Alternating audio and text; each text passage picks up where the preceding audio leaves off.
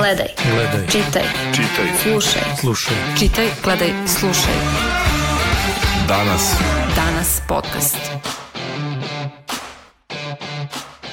Sredinom nedelje koja je za nama spoljno politički odbor Evropskog parlamenta usvojio izveštaj u Srbiji za 2020 u kom se pozdravljaju ekonomski rezultati, učešće u regionalnoj saradnji, dijalogu sa Prištinom, ali se izražava i zabrinutost zbog dominacije Srpske napredne stranke, pominje se pritisak na birače, to je ono uoči izbora prošle godine, zamera se pristrasnost medija, ali se traže i uverljivije rezultati u pravosuđu, veća sloboda izražavanja, više u borbi protiv korupcije i kao konkretne teme e, pomenuti su rešenje Krušika, Jovanjice, Telekoma, ali i rušenju Sava Mali koja evo uskoro mu se bliži peta godišnjica, a rezultata nema.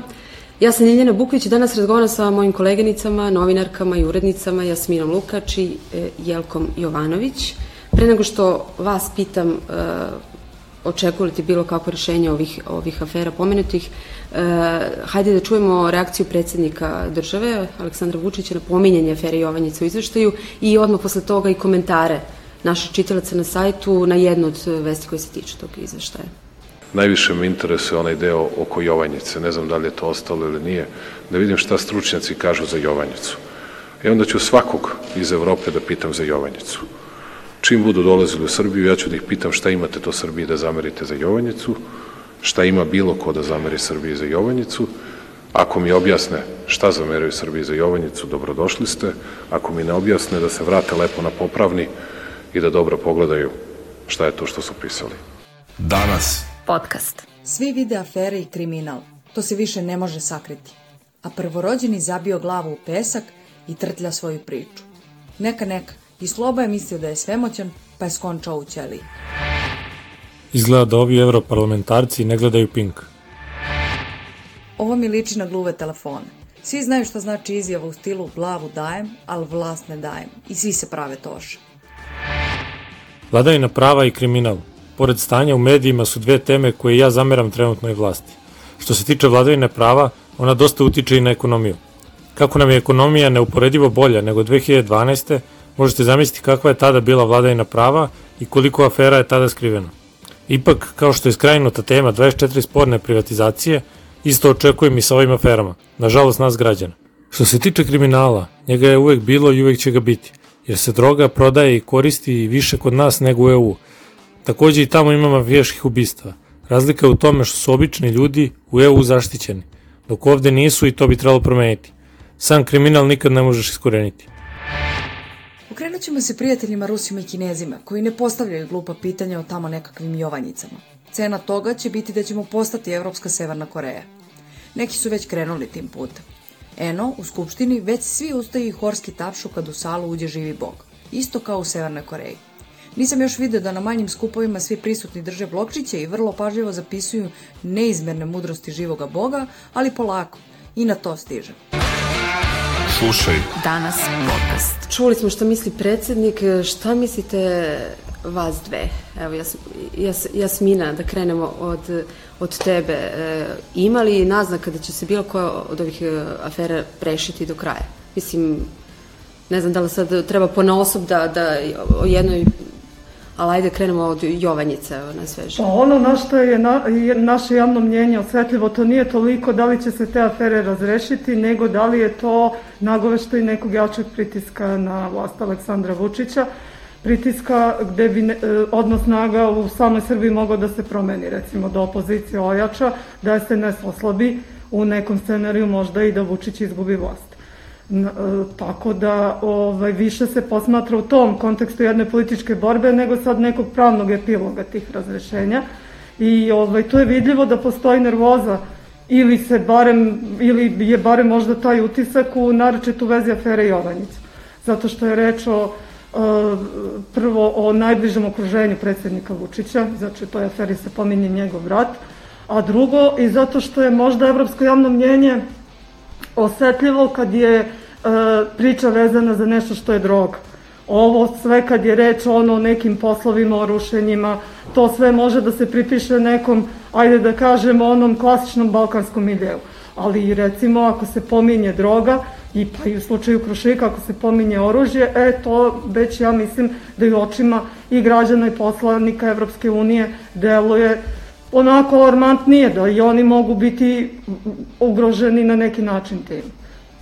Ja sam delimično saglasna ovaj, sa Jasminom, e, pri čemu sam ja skeptična u tome šta javno mnjenje Srbije očekuje. Deo svakako upućen, očekuje i ovo što Jasmina kaže, da će Evropska unija napokon da prestane sa tim benevolentnim stavom prema ovdašnjoj vlasti, sve je navodno zbog Kosova, to je jedna stvar, a druga stvar koja je za mene u ovom trenutku važnija, e, jeste da ja mislim da građani Srbije, nažalost, ne očekuju ništa osobito, nikakvu posebnu promenu, i da bi čak i promenu na, na vlasti onako dočekali bez većih, bez većih problema.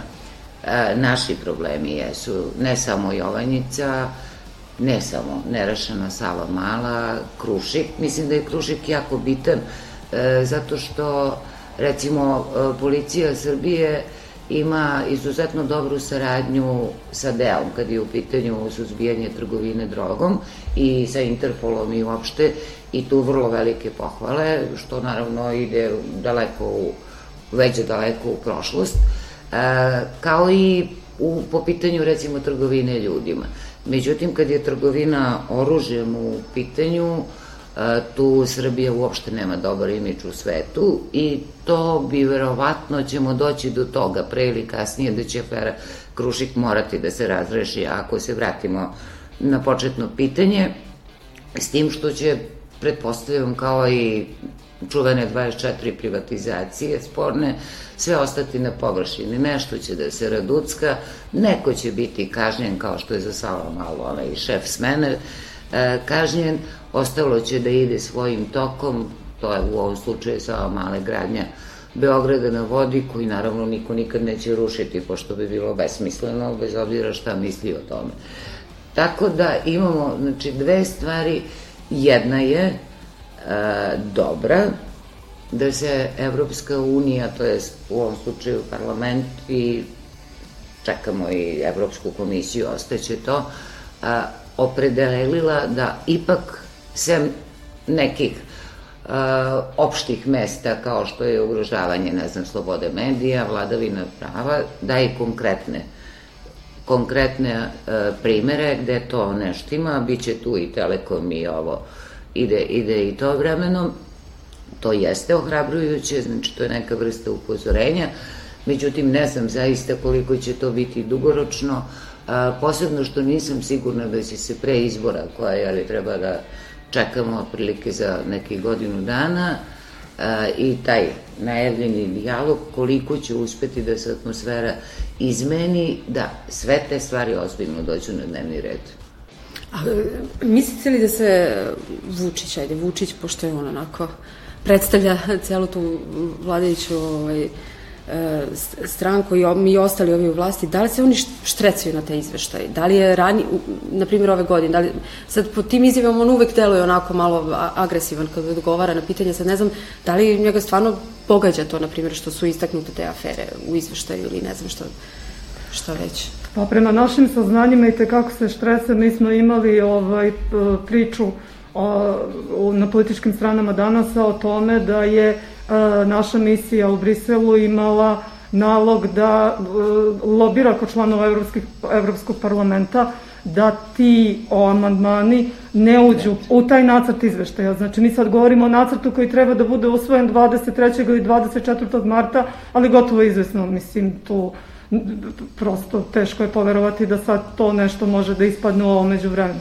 Kad je već, to je kao kad naš skupštinski odbor usvoji neki akt i on onda ide u skupštinu. Vrlo su redki slučajevi da se to tako ne desi. Dakle, oni su imali uh, naše diplomate u Briselu zadatak da probaju da, kad je reč o Jovanjici, da to ipak ne bude deo tog teksta. Sad, ovaj... To, to konkretno samo za Jovanjicu ili... Samo za Jovanjicu. Samo za Jovanjicu.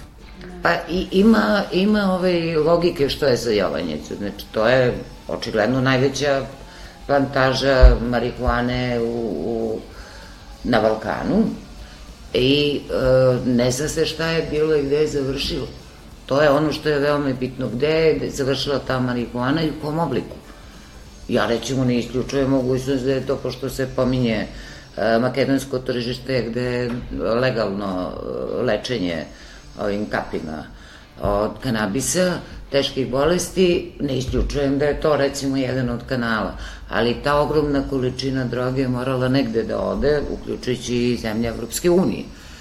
To znači da su oni, kao što rekla Jasmina na početku, da su i oni jako ugroženi tim tokovima koje ne mogu da kontrolišu. I ne zna se naravno ukoliko se ne razreši to ko je, šta je, kako je, gde je, kako je umešan državni aparat u, u, u Jovanjicu, ako se to ne razreši, pitanje je dana kad će nastati na drugoj lokaciji nešto isto tako. Tako da, da, da tu mislim da će insistirati, potpuno sam saglasna da će insistirati, a što se tiče da, ovaj nervoze je jako primetna u, u redovima a, najviših državnih funkcionera, tu je po običaju izleteo a, kako ne treba Vulin, pa je čak morala da ga ispravlja ministarka za evropske integracije, da nije to tako, da nije to tako. Prebačeno je na teren, Vulin je prebacio na teren vakcina, eto, Evropska unija kao pomaže, a, a ne dam nam ni vakcine, što znači da je zapravo mi imamo jednu isprepletenu mrežu svega što se događa. I sve je nekako u znaku, kao i ceo svet u znaku korone, pa se prebacuje, ne prebacuje, ali je činjenica, vidno je, recimo, vidno je i, i sam predsednik je vidno uznemiren i vrlo se često vraća svojim starim radikalskim manirima u obraćanju javnosti.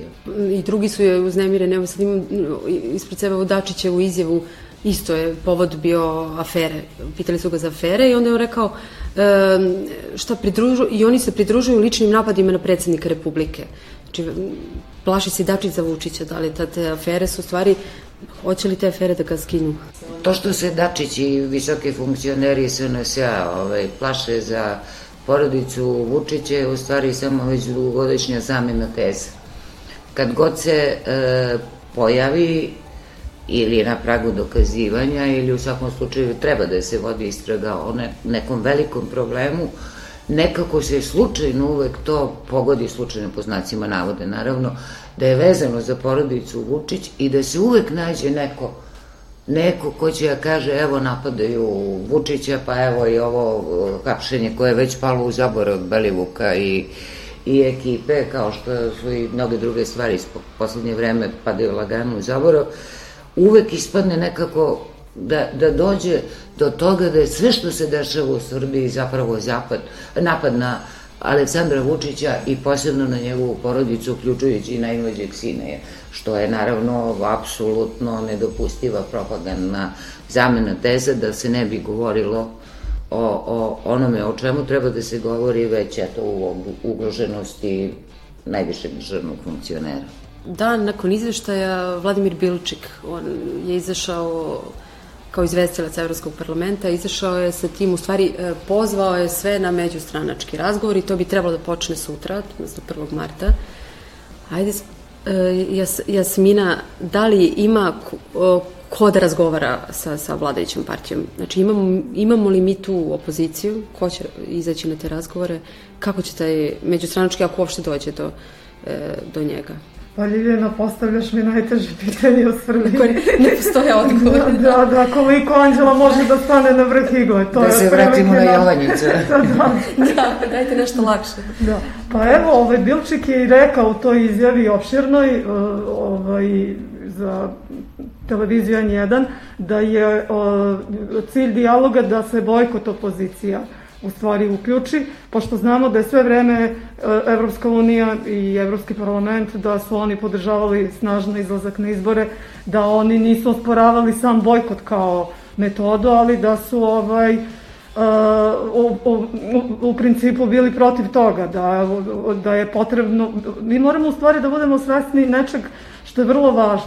Svaki put kad se menja vlast, uh, odziv glasača nije mali, nego je ogroman. Znači, mi ako u stvari, tako je barem bilo u nekim slučajevima koje mi pamtimo, Znači, ako uopšte računamo na to da ćemo uspeti da smenimo vlast SNS-a ili na neku šansu da to uspemo na izborima koji slede za godinu dana, znači opozicija mora da pridobije i abstinente, ne samo one birače koji su već njeni i koji izgubila.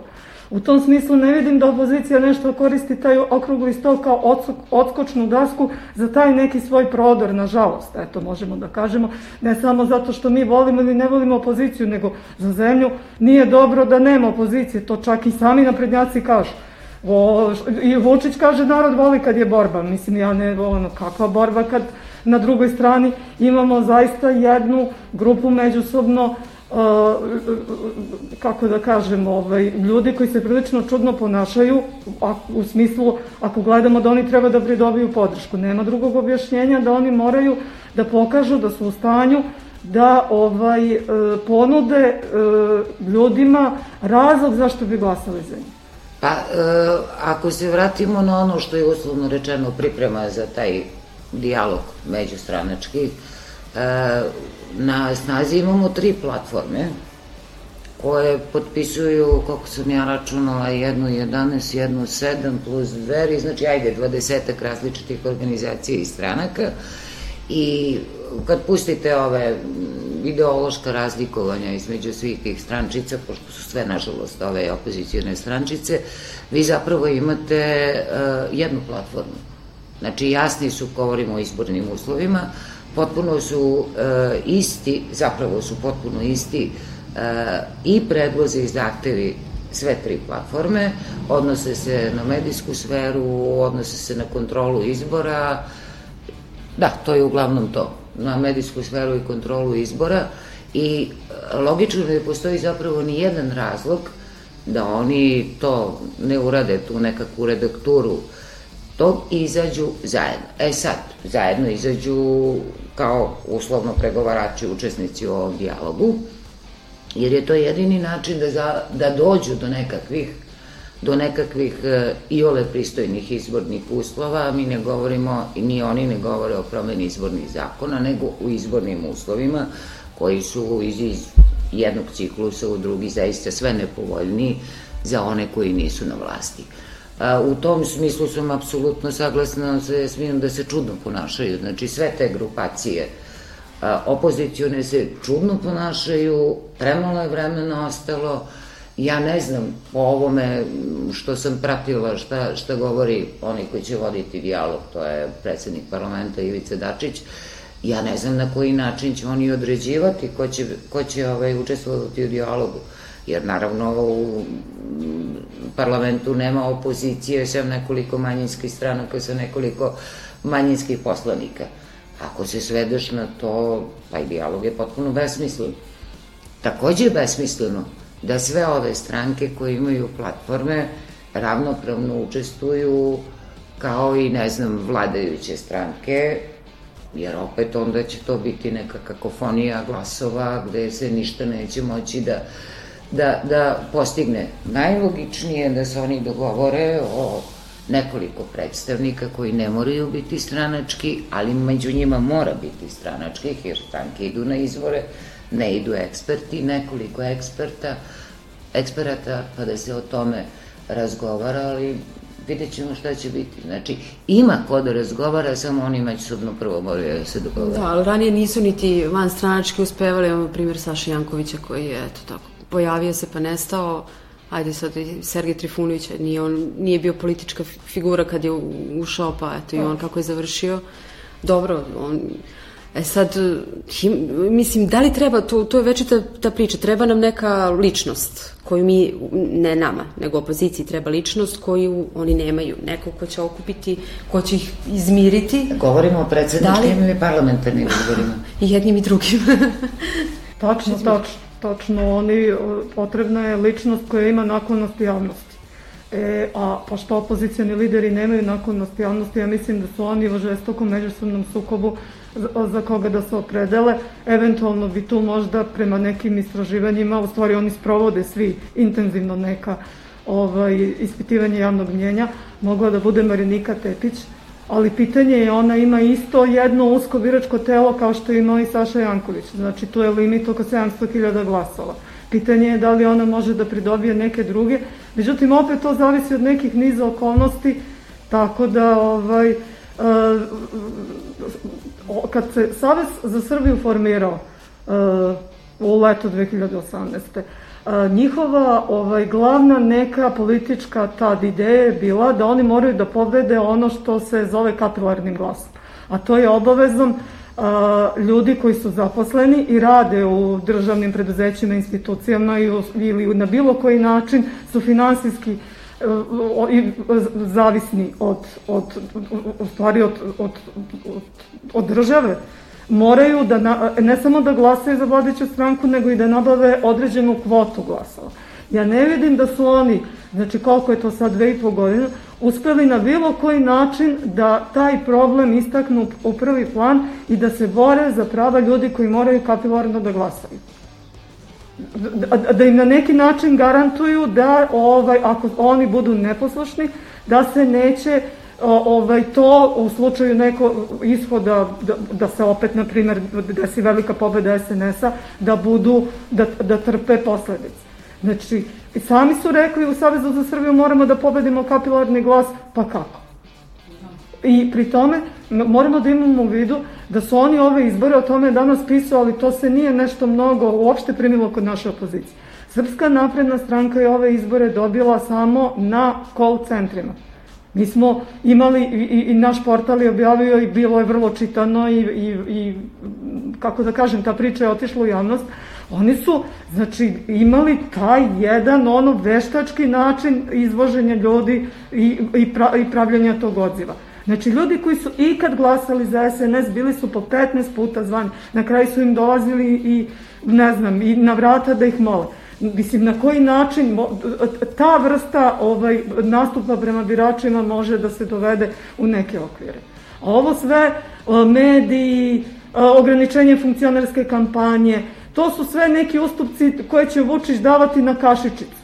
Ali na kašičicu i tu ono, to je samo trošenje energije. U to je on, znači ta opozicijana borba treba da se spusti s tih velikih tema na onog jadnog kapilarnog birača koji, na primer, gleda neku korupciju u svom preduzeću, koji ono mora da ubedi članove svoje porodice da bi on zadržao posao, da svi izađu i da glasaju, njemu treba prići. Ne, de, definitivno, ja, ja znam da, ljude da, da. koji su ono SNS ili orijentisani ili su orijentisani SNS zbog posla, koji su morali na zadnja vrata da izlaze, da se prave kao da dolaze, ne znam, na miting sa one strane, znači njima je toga preko glave, ali nemaju opciju B.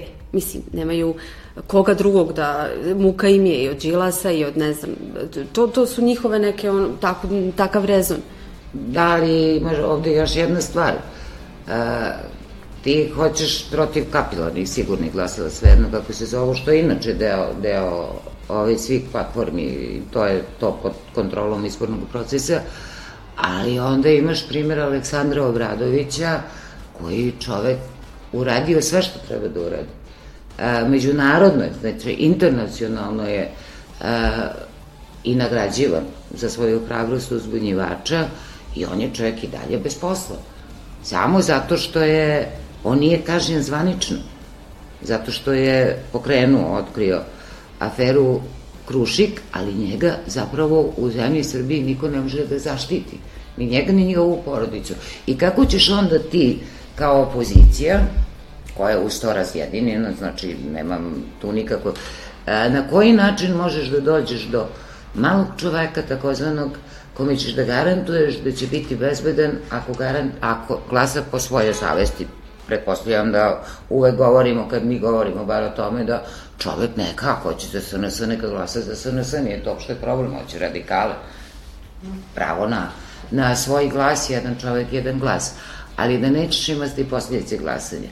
A, o čemu se zapravo radi? Ključna stvar jeste ta kontrola izbornog procesa, jer ti zapravo po sadašnjim, po sadašnjim, po praksi koju imamo već nekoliko godina, ljudi su naterani da glasaju i da dokazuju da su glasali na određen način. E to je nešto što ne sme da se desi i to je ono što mora da bude a, rezultat ovih razgovora predstojećih. Ako ne bude rezultat, džaba smo krečili. Džaba smo krečili, jer ako čovjek ne može da izađe na izborno mesto, ako nema dovoljno kontrolnih mesta koji nisu samo opozicija, nego i eksperti i međunarodne e, misije i sve ostalo, ako nema te kontrole, nema prava slobodnog glasa, abstinencija će biti s jedne strane velika, ta, tačno je, nemaju, nemaju izbor, što je opet vezano za medije i satanizaciju svakog mogućeg e, kandidata koji se najavi Znači, akademik Kostić nije rekao da će se baviti politikom, kao što nije rekao ni vladika Grigorije, ali oni su anatemisani. Oni su anatemisani zato što svako ko se učini kao mogući stožer, ne kandidat, nego mogući stožerna tačka okupljanja. Ja ne govorim o vođi, pošto sam ja veliki protivnik. E, vođa, to, to mislim da Srbiju mnogo košta, ta naklonost ovaj, prema vođama, ali svako ko se pojavi kao moguća tačka okupljanja ili kako vole ovi narodni da kažu sabornosti, on je apsolutno anatemisan i razvlačen. Tako da je, su sve tačke bitne. Znači ovo što Jasmina kaže o kapilnih glasova, to je apsolutno e, tačno, ali to je sve u stvari tehnika koju treba sprečiti. Ucenjivanje ljudi. A kako doći do toga ako ti ne možeš da dođeš do javnog servisa, da bilo šta progovoriš, ni kao, ni kao uh, ekspert koji je nije, nije na strani ni jednih ni drugih, je, ni jednih ni drugih, ni vlasti ni opozicije. Ako opozicioni predstavnici naravno ne mogu da dođu ili mogu da dođu one besmislene emisije tipa kako zove reč na reč sada, gde je 9 na 1, praktično, kako, kako možeš uopšte da poručiš bilo šta ljudima?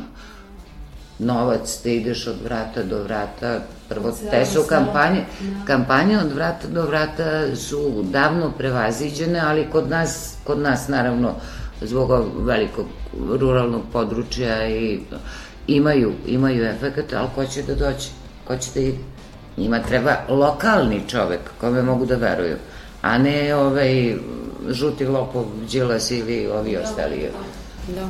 A postoji ona druga teorija da, pošto nem, nemamo poziciju, odnosno nemamo jaku poziciju niti udruženu, da će oni, to je SNS, da se uruši iznutra. Da je to jedina opcija da, da ova vlast padne tako što će da se međusobno posveđaju, eto. To si dobro primetila, pa stvari idu ka tome. Stvari idu ka tome. Čak ja mislim da tome e, pogoduje to što je, što e, e, razlikuju se ovaj stavovi. Ne, e, jedan, da kažem, jedna škola mišljenja misle da je za to potrebna jaka opozicija, da bi neki ovaj, deo SNS-u ov, procenio da će više dobiti na drugoj strani. Međutim, ima i druga škola mišljenja, baš zato što nema ovaj, jake opozicije, baš zato što je opozicija slaba, oni su potpuno usmereni na borbu jedni sa drugima, ne, osjećaju se svemoćni, poistovećuju se sa Vučićem, svako od njih misli da je Vučić. I svako od njih misli da, mislim, ti ljudi koji su najmoćniji u establishmentu iz SNS. Kad kažem svako, i svako misli da može isto što i Vučić, a bez, ne branim predsednika, ali moram da kažem, a da pritome nije prošao neku oštru političku školu koju ova ipak jeste. Da, to smo videli poslednjih dana u nastupima i Brnabić sa onim uh, i tome uh, Momirovića, tako da, da. Ovo se svodi na zapravo mala, mala bara mnogo krokodila. Da. Znači njih ima sad već previše. Previše, ja poslednje podatke koje znam je ono 700.000 članova SNS-a, to vreni takozvani uh, onaj socijalički savez radnog naroda Srbije nije imao. I u ekonomskoj krizi koja jeste zbog dobrim delom koronavirusa, ali e, i nesposobnošću i izuzetnom korupcijom. Znači, mi svaki dan saznajemo da je negde otišao neki milion za nešto. Tek o milijardama da ne govorim, a koji ne, ne, nema nikakvo opravdanje. Znači, to se sve uzima, rasipa se ova, kako se zove, substanca, rasipa se budžet, rasipa se onim od čega svi živimo, što punimo i od čega se i, ne znam, školujemo i lečimo, a njihove 700.000 mali je budžet Srbije za to. Znači, svakako će doći, svakako će doći do njihove unutrašnje preraspodele, do pucanja, jer kad se ispostave lični interesi, doći će do velikih ideoloških, nema veze sa ideologijom, naravno, ovo je po znacima navoda, mimo ilaženja, već su naravno vidljivi. Ti ne, te neke pukotine su vidljive, nema uopšte spora da postoji pukotina, koja opet, ako se vratimo na početak, vezana za dve afere Krušik i Ovanjica, koje je jedan Nebojša Stefanović, drugi su Vučići, već se vide te pukotine, pitanje je dok će dovesti. To ćemo tek da vidimo. Ništa, hvala vam samo za kraj da poslušamo Miroslava Aleksića koji je bio gost našeg Facebook intervjua, pa eto, jedan, on je potpre, potpredsednik Narodne stranke, pa i njegovo neko mišljenje o tim eventualnim dijalozima, da, da li su mogući i šta možemo da očekujemo. Slušaj. Danas podcast. Dakle, to što traži opozicija koja je bojkotovala izbore i zbog kojih se sada i dešava dijalog, zbog bojkota će biti varednih parlamentarnih izbora, je nešto što je tekovina u svim demokratskim društvima i državama.